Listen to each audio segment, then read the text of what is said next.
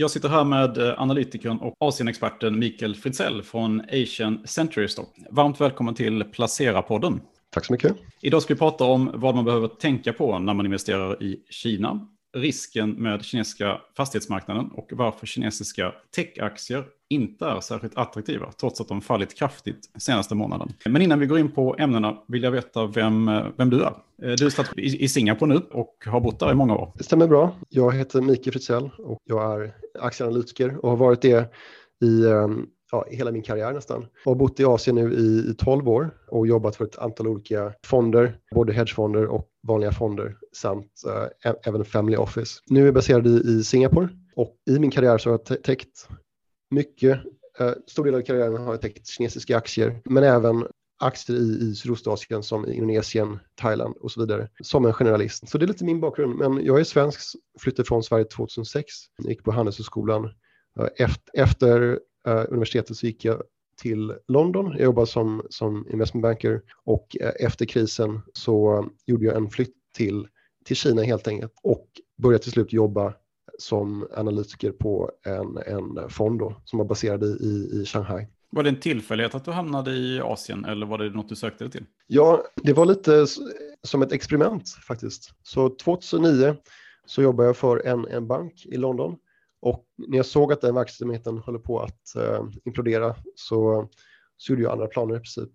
Jag tänkte mig att eh, jag, jag behövde hitta någonting annat att göra. Så mitt, eh, jag valde att flytta till Peking under den tiden efter att jag fick sparken i princip från, från banken. Och jag tänkte mig att jag kan stanna där halvår, ett år kanske, studera kinesiska och sen ta ett nytt beslut vad gäller jobb. Och sen råkade det vara så att jag hittade ett jobb i, i Shanghai som aktieanalytiker, vilket var en fantastisk möjlighet faktiskt. Att, att se, se många bolag inifrån då, i Kina under en tid då det var väldigt få faktiskt utledningar i Kina. Alltså du har ju väldigt stor erfarenhet av att analysera kinesiska bolag. Du har besökt hundratals eller kanske tusentals kinesiska företag. Absolut, ja. Vad är din take på att investera i Kina då, när du, när du har sett allt det här? Jag tror den stora slutsatsen är att um, det finns alltid mer. Det finns alltid en, en till story i bakgrunden som man kanske inte känner till som utlänning. Och det krävs ett antal besök innan du faktiskt inser att den här storyn som, som ett bolag vill kommunicera till investerare kanske inte stämmer till 100 procent. Så man ska vara lite försiktig med Kina och tänka efter. Vad, är, vad vill de uppnå med den här typen av... Om, om de till exempel åker till, reser till Stockholm eller till, till London och träffar investerare, varför gör de det? Är det av en speciell anledning kanske? Och, eh, och redovisningen som vi vet är inte, särskilt, är inte alltid tillförlitlig. Så man ska vara lite försiktig. Alltid se till att försöka bekräfta storyn genom en annan, annan källa kanske. Eller besök om, om det nu går, om man har den, den typen av access till bolaget. Kan svenskar vara lite naiva kanske i, i kontakten med kineser? Eller med kinesiska företag? Jag, jag tror det. Alltså man, man lever i en trygg miljö i Sverige och ser man inte den typen av bedrägeri som faktiskt sker då i, i utvecklingsländer som Kina så kanske man inte ens kan, kan inse att sånt kan hända. Första vågen av, av, um, av frauds som då skedde någonstans runt 2010-2011. Man har upptäckt att en stor andel av, av aktierna som var listade, kanske USA, Singapore, Hongkong, är kinesiska då, bolag, i princip var bluff och båg. Och jag, jag tror inte den typen av ehm, bedrägeri sker inte i, på, på västerländska börser. Så man ska alltid vara försiktig. Och um, nu så kanske senaste ja, tio åren så har den typen av bolag gått till, till digitala uh, sfären. Så att många av den typen av fraud som vi ser idag kanske är techbolag snarare. För att det är mycket, mycket enklare att, att fejka saker på internet än, än vad det är vad gäller att fejka ett, en, uh, en manufacturing company eller något i den stilen. Så att, um, de har blivit smartare vad gäller att lura utländska investerare och, och, det kräver då att man ska vara ännu mer försiktig i Kina, men även andra utvecklingsländer som Indonesien och, och Indien kanske. Men kan det här, de här, ehm, det här fusket, kan det även gälla storbolag som finns idag så att säga, på börsen, noterade börserna? Ja, alltså överlag, ett tips man kan ge är att, att stanna med att äg lite större bolag eh, vars produkter du kanske känner till ganska bra. Så bolag som Baidu och Tencent till exempel, de har produkter som är enormt starka och vi vet om att de, de har dominerande ställning i, eh, i eh, sin hemmamarknad. Eh, så det är väl det man ska fokusera då på, bolag som har en ganska stark eh, marknadsposition. Däremot mindre small caps ska man vara lite mer försiktig med. Definitivt. Särskilt om det är produkter som man inte känner till själv. Men samtidigt så i, vissa fall om du läser igenom redovisningen, eh, årsrapporter för även större kinesiska techbolag så, så finns det många liksom varningsflaggor som får i alla fall mig att rygga tillbaka. Tänka att det här är, det här är inte någonting jag vill teori. Så att, eh, det handlar mycket om transaktioner med närstående parter, antingen moderbolag eller systerbolag. Eh, det sker ofta, så gå in i en kassaflödesanalys och kolla på exakt vad de gjort för förvärv. Ofta förvärv om ja, närstående bolag, kanske dotterbolag som de bara äger en del av. Eh, Då kan, kan man undra liksom, varför gör de det? Vad är tanken där? Um, och det är så lätt för bolag att, att, att ta ut pengar, att kanske investera i anledningstillgångar. Det redovisas som anledningstillgångar, men sen så går den kassan tillbaka in som intäkter och på så sätt får det se ut som att du har, faktiskt har intäktstillväxt och också vinster. Så att um, det, det, är en sak, men, men förstås, det finns många sätt att, att fejka uh, både, både, både vinst och, och, uh, och revenues. Men ja, ja, det finns många tricks. Jag, jag, jag skulle nog rekommendera att, att använda checklists för att förstå, förstå det på exakt hur redovisningen ser ut. Är det, har de faktiska kassaflöden? Är det bara en vinst? Eller ser du också kassaflöden från operativa from operational activities? Um, har du inte kassaflöden, då, ska du, då är det värt att kolla på exakt vart hamnar de. Om balansräkningen stiger väldigt med stor, med hög tillväxt, då, då är det något som är fel ofta. Och det ser jag även i större bolag. I, i vissa fall så, så, så, ser man även det. Som alltid, det, det finns risker med att investera i utvecklingsländer och eh, det viktiga tycker jag är att, då att man ska ha någon typ av margin of safety, alltså säkerhetsmarginal. Eh, åtminstone i alla fall investera när det är låga priser. Du har någon typ av en uppsida i alla fall. Så har du uppsida på 200-300 procent, då kan det vara värt att investera även i bolag som har lite kassare, kanske corporate governance. Det är i alla fall vad jag tycker. Alltså, vi har ju haft ett lite sämre techsektor här på kinesiska börsen senaste, är det här året i alla fall. Är det, är det ja. billig, billigare, är det billigt nu? Så att säga? Eller, vad, eller ska det falla ännu mer innan man vågar in? Ja, alltså det beror helt på, tror jag. Helt på. Det beror helt på. För att um, techaktier är heta. Uh, just nu så tror jag MSCI China, alltså indexet som många uh, fonder trackar, det, det är 40% plus techaktier. Det är en väldigt het bransch och jag ser även i Asien de flesta investerarna lägger störst fokus på techaktier. Så det är många momentuminvesterare i den här sektorn eh, och om de skulle liksom få för sig att sälja då kommer alla vilja gå ut samtidigt.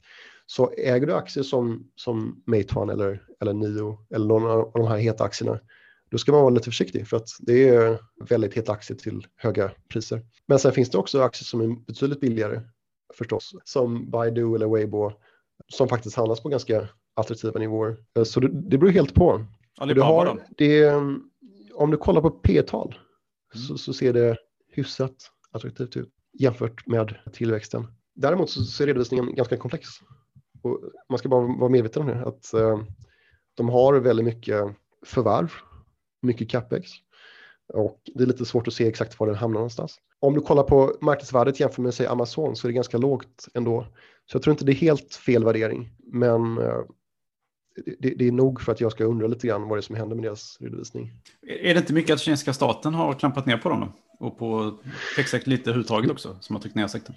Det är också, alltså det, det är, jag, jag vet inte riktigt själv vad som händer i, i den här antikorruptionskampanjen som nu har gått från regeringen Eh, och partiet till privata sektorn. Men det är nog för att få mig att undra exakt vad det är som händer eh, i, i sektorn. För att vi har haft många vd som faktiskt sagt upp sig, inklusive Jack Ma eller eh, uh, JDs vd, uh, ByteDance vd nyligen och ett antal andra också, bolag som också har haft, haft samma typ av avhopp från, från ledningen, från vdn.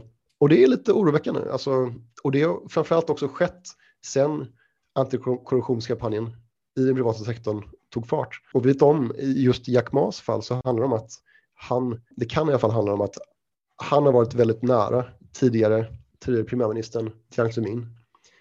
Alltså Shanghai-fraktionen i kommunistpartiet som, lite, som är lite konkurrent kan man säga till Xi Jinping. Och eh, det kan ha varit det att han har varit lite en, av en fiende kanske till Xi Jinping.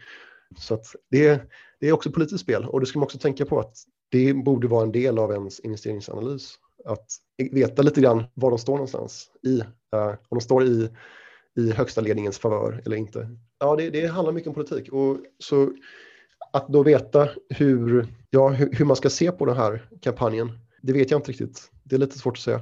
Samtidigt på kort sikt så är det ju helt klart så att techaktier har fallit, inte bara i Kina utan även i USA och andra delar av världen. Så på väldigt kort sikt så kanske det är oversold.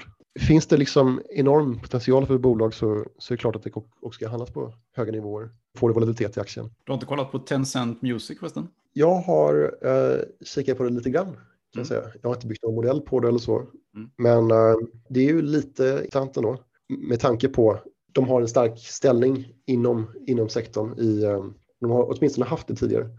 Och eh, QQ Music och eh, den typen av appar som, som åtminstone Tencent har, har tydligen en ganska stark marknadsposition. Men eh, ja, det, är också, det handlar mycket om vilka antaganden gör på hur mycket de kommer tjäna per användare i, framöver. Och sen en stor del av, av det bolaget det är ju också eh, livestreaming och livestreamingmodellen handlar mycket om att du ska få in pengar genom att folk ger uh, gåvor till de som sitter och livestreamar.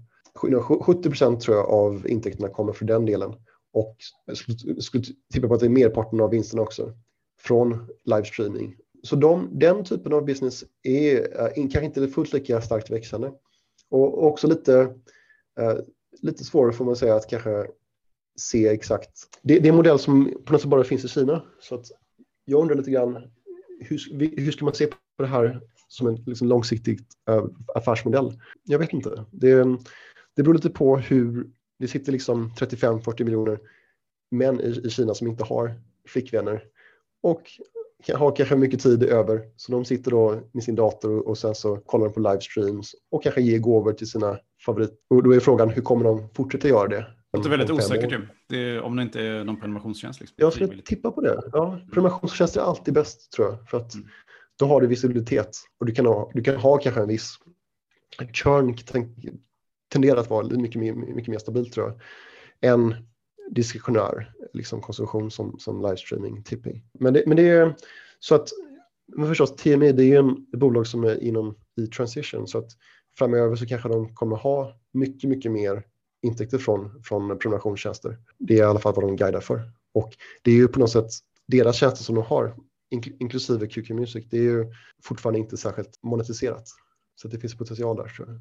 Du, apropå Tencent, i Europa är det många som äger PROS, det här mm -hmm. internetkonglomeratet okay. som eh, är väldigt ja. storägare i, eh, i Tencent också. Jag vet inte om du har, har kikat på dem någonting? Ja, absolut. Men jag har träffat Naspers flera gånger och de, de har gjort alltså, enormt bra investeringar.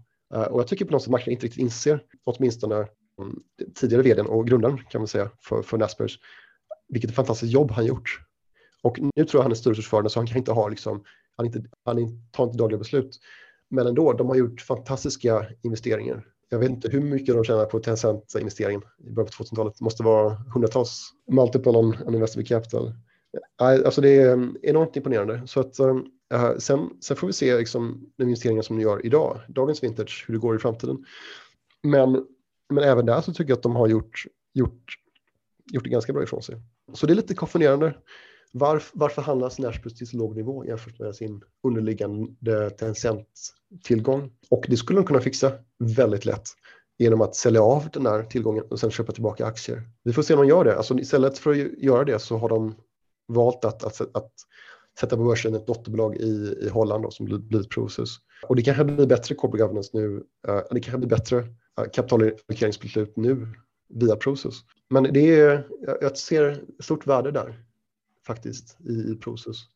Och historiskt sett, de har ju handlats på NAV, någonstans runt NAV, liksom 2015 någonting, uh, tidigare än 2015. Så att varför kan inte handlas till NAV idag? Uh, mm. Jag tycker att det är lite konstigt faktiskt. Mm. Nej, för nu är det väl en ganska rejäl rabatt i, i Process som jag förstår det. det är ju, um, den handlas till 85 eh, euro nu och NAV är väl någonstans vid 130 i alla fall. 130-140 någonstans. Ja, det är intressant va? Och, och särskilt NAV kan ju till och med vara, alltså de har ju lyckats med bra investeringar, så det kan till och med handlas över NAV. Och också värt att nämna att alltså Tencent är ju kanske det bästa bolaget i Kina. Ledningen är briljant och de har gjort investeringar som, som, eh, som har varit väldigt lönsamma med, med tiden. Så att um, Det, det, eh, Naspers är en, och Process är en intressant idé faktiskt. Däremot så, jag vet inte exakt hur och när den här värdet kommer att realiseras. Det, man får nog ha lite långsiktig ja, tålmodighet där tror jag. Mm. Har du koll på Bilibili då? Kinesiska YouTube? Um, lite grann. Um, jag talade med dem senast 2018 tror jag. Och ett fantastiskt bolag. De har eh, väldigt starka, stark engagement för sina användare. Nästan som en kult. Och de har lyckats få användare att känna att det är ett liksom, ekosystem som de, de, de känner sig som en del av. Det blir som en, nästan en klubb, exklusiv klubb, som får folk att komma tillbaka. Och så, jag har inte kollat på aktien senaste tiden, men jag, jag, jag misstänker att så fortfarande är fallet. Däremot så vågar jag inte säga exakt om det fortfarande är undervärderat. Det, aktien har kommit upp ganska bra tror jag. Men definitivt, det är ett bolag som man, som man ska ha koll på, tror jag, på lång sikt. Upp 560 procent på tre år. Mm. Eh, det är definitivt intressant. Sen, sen får vi säga att alltså, techsektorn överlag i Kina är ganska lite högt värderad kanske, i snitt, i genomsnitt. För att det är en het sektor. Folk har suttit hemma under pandemin och eh, spekulerat i, eh, i, i, aktier. Till och med i Kina så har folk gjort det. Så även i den här regionen så älskar folk, folk techaktier, framförallt amerikanska techaktier koreaner älskar amerikanska techaktier just nu, men även kinesiska tror jag. Varför är det så hett med amerikanska techaktier i, i Kina? Och... Ja, varför är det hett? De har gått bra förstås och eh, Eh, tech har ju varit en bransch där du har haft eh, tillväxt i, i vinster, alltså vinsttillväxt, trots eh, en liksom ganska dålig tillväxtmiljö de senaste 5-10 åren. Så det har haft en, en, ja, en stark outperformance vad gäller tillväxt. Och då har pengar rört sig åt det hållet också och drivit upp priser. Och nu kanske det är så att, att folk kanske bara jagar de här aktierna för att de går upp till och med. Särskilt då retail-investerare. Plus att också plus pandemin förstås har varit ett positivt, något, positivt för många techaktier. Konsumentelektronik har köpts på grund av att folk har stannat hemma. Och vi har använt liksom online services i mycket, mycket högre utsträckning. Det, kan, det kanske kan vara det.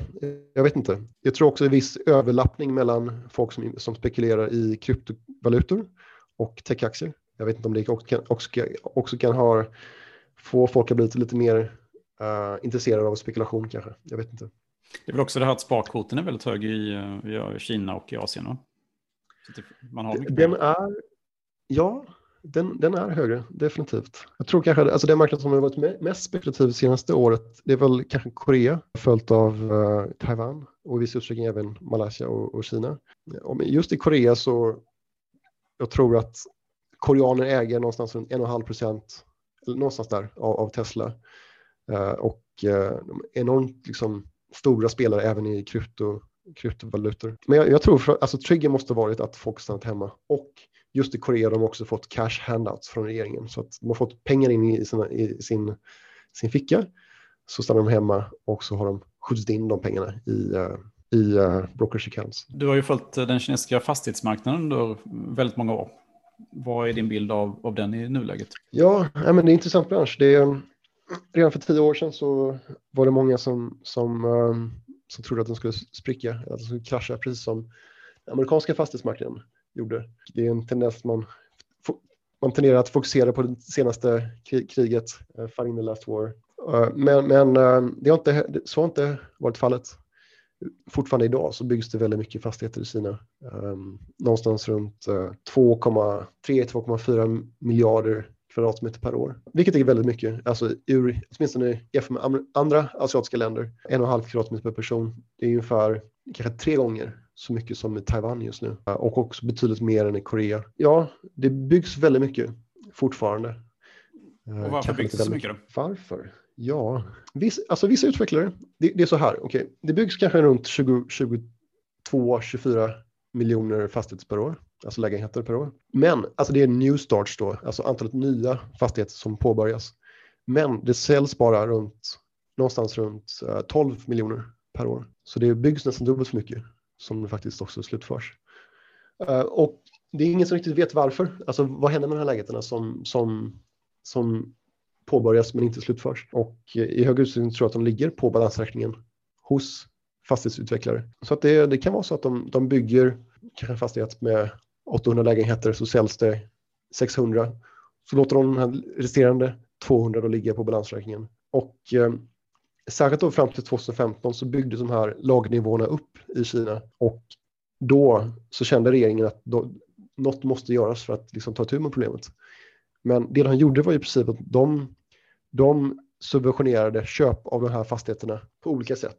Men i princip genom budgetunderskott.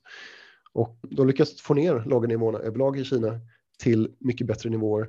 Men problemet är fortfarande kvar. Alltså, det byggs för mycket lägenheter fortfarande, särskilt då inom mindre städer, alltså uh, tier 2 to 5 cities. Man brukar dela in kinesiska städer i, i större och mindre städer. Men, men, det bygg, um, men, det byggs så mycket och ändå har priserna stigit. Det var konstigt eller? Ja, alltså de har inte stigit så mycket om man, om man kollar på, på Kina som helhet. De har, det finns inte mycket index, det finns inte mycket prisindex som man kan kolla på. Men det finns ett index med 100 stycken största städerna. Och det har inte stigit så mycket faktiskt egentligen om man kollar de senaste åren. Däremot i större städer som Peking, Shanghai, Shenzhen och Guangzhou så har priserna stigit enormt mycket.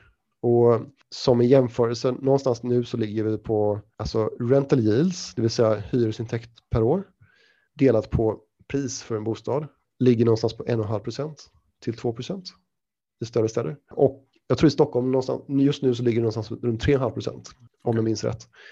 Uh, vilket gör att de fastigheterna är uh, minst dubbelt så dyra jämfört med, med de hyresintäkter som du får. Men, men, men det är nog värre än så för att det har också hög Gini-koefficient i Kina. Så att många av de som köper fastigheter, uh, eller snarare så att merparten av människor har inte råd överhuvudtaget att köpa fastigheter, utan det är i, i, i många, i hög utsträckning spekulationsobjekt, tror jag i alla fall. För i, i snitt då, inom, inom de här större städerna, fyra största städerna, eller de här tier 1 cities, eh, Peking, Shanghai, Shenzhen, Guangzhou, så ligger pris delat på inkomst, genomsnittspris delat på inkomst ligger på 40 gånger. Jag tror Sverige ligger under 10. Så att det, det är enormt svårt för en, en liksom vanlig person att köpa några fastigheter. Låter, låter omöjligt. Ja, mm, ja de, de, just då i de här större städerna.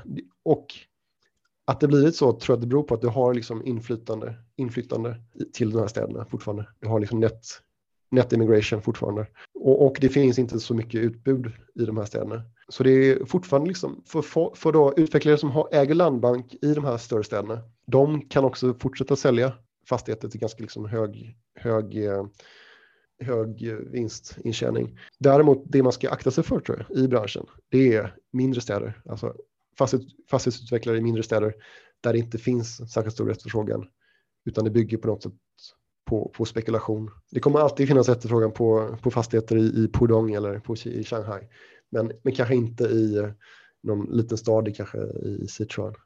Du, vad, eh, bara för att ge en bild här för, för lyssnarna, vad är liksom kvadratmeterpriset i Peking just nu? Ungefär. Jag skulle gissa på att en genomsnittlig fastighet, eh, 90 kvadrat, kanske kostar runt 10 miljoner kronor minst. minst.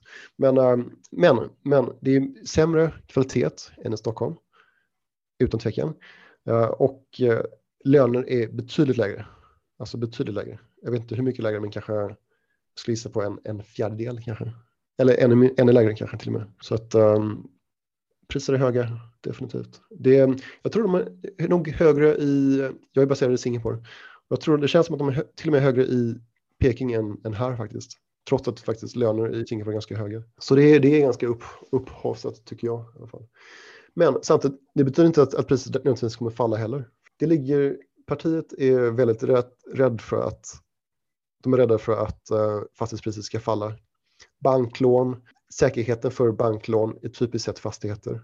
Så att om fastighetspriset skulle falla, säg 50 procent, skulle det vara enormt negativt för banksektorn. Och jag tror inte att regeringen vill se att det kommer hända. Så att ehm, ja, slutsatsen är väl att jag tror inte priset kommer stiga mer. Men däremot så, så, så tror jag samtidigt att en stor krasch kanske inte är särskilt sannolikt.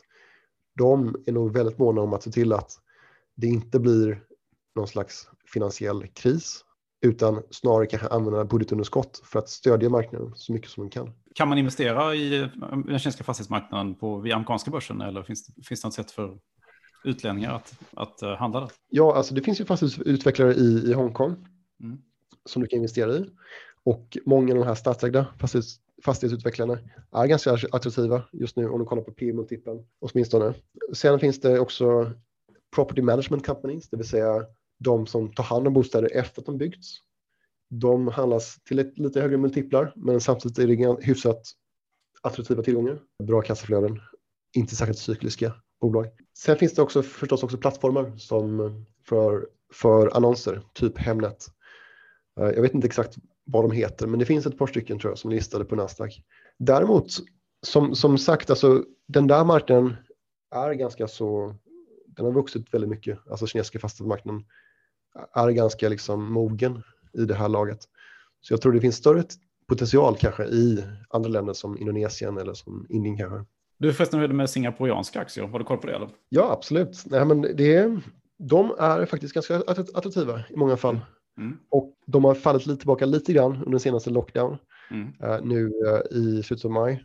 Men uh, det finns, i många fall finns det faktiskt aktier som är, är väldigt attraktiva, särskilt bland small caps. Så i, i en värld med ganska höga, höga, höga värderingsnivåer så tycker jag Singapores aktiemarknad är ganska attraktiv ändå.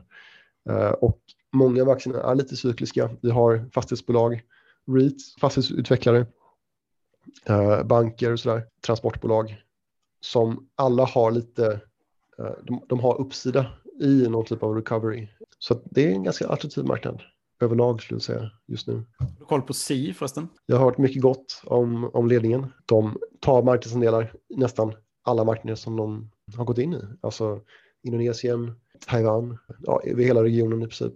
Så att någonting gör de rätt faktiskt, tror jag. Och det är en tillväxtaktie som man kanske ska äga på lång sikt, även om på kort sikt så, så har aktien gått upp väldigt, väldigt mycket. Och um, frågan är hur mycket e-commerce kommer liksom gå tillbaka kanske i, i någon typ av uh, återhämtning från covid. Men vi får se, alltså bolaget självt tror jag är väldigt, väldigt attraktivt. Um, åtminstone jag, jag har läst och sett.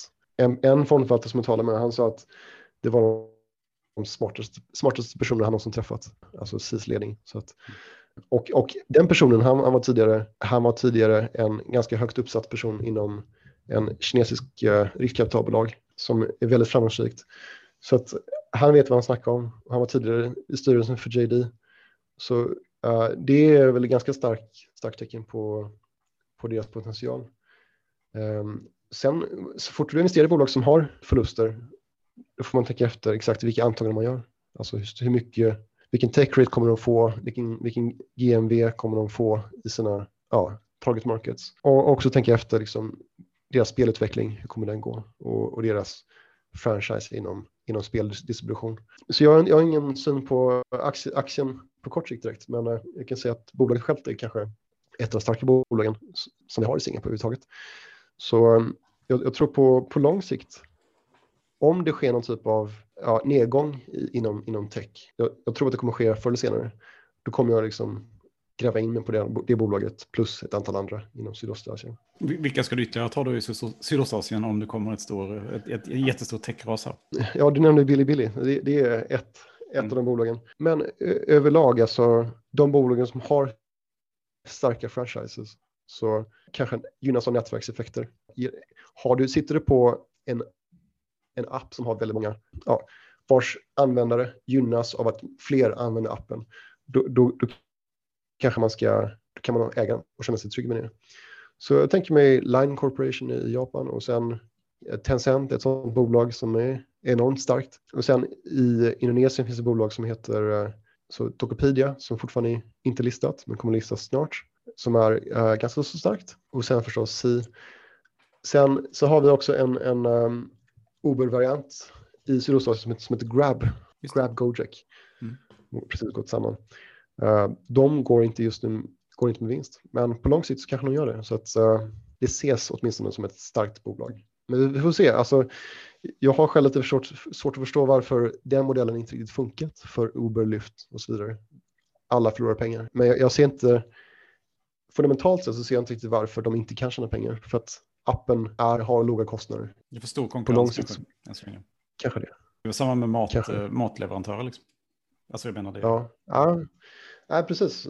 Så kan det vara. Så kan det vara. Så i det perspektivet så kanske det är bättre att ha någon, någon typ av nätverkseffekt i de här techbolagen du investerar i. Tänker med Bilibili, det, det har ju på något sätt en social aspekt i det hela. Vissa speltillverkare också har också online-spel där du spelar med dina kompisar. Så om alla andra spelar spelet så kan han då fortsätta också gå in eh, och, och fortsätta spela. Och det gäller då både för Tencent men även deras konkurrent NetEase. Som har Kinesiska par, NetEase va? Mm. Ja, som har ett par starka franchise. Så det är väl, ja, det är väl de, de där största, största populära speltillverkarna och, och så vidare. I, I Korea så har du ett par stycken också. Det finns ett bolag som heter Naver som är en, en koreansk version av Google kan man säga. Men de har också mycket annat, inklusive e-commerce, eh, portal eh, och, eh, och så vidare. Enormt starkt bolag och klipsk ledning. Så det är ett bolag som jag väldigt gärna skulle vilja äga till ett lägre pris. Som du kanske förstår så, så är jag lite, lite rädd för de här värderingarna och jag ser kanske värderingar lite mer attraktiva inom andra sektorer. 2018 framåt så har jag varit lite skeptisk men sett liksom bra värderingsnivåer för vissa, vissa kinesiska aktier och även andra asiatiska aktier inklusive Line och Naver. Men priset har dragit iväg ganska mycket och just nu så för nya positioner så, så känner jag mig lite, lite rädd kanske för att gå in i sektorn mm. eller, och, i, i särskilda aktier. Men eh, de bästa aktierna förstås som man ska äga, det tror jag är Tencent mm. till exempel. Mm. Naver, eh, kanske, Bilibili. Mm. Det, det, är de jag tänker på framför allt. Kan, kanske Weibo, det är en så starkt franchise och jag tycker även idag så är det ganska billiga aktier. Så, så det är väl de, men, men jag, jag är lite av en värdeinvesterare och jag tänker mig att för ett rätt pris och med, med en närliggande Catalyst så kan jag äga nästan allting så länge det är ett bra bolag. Så, men ehm, ja, det är väl de bolagen då som är intressanta. Tusen tack för att vi fick höra dina idéer, Mikael. Tack så mycket.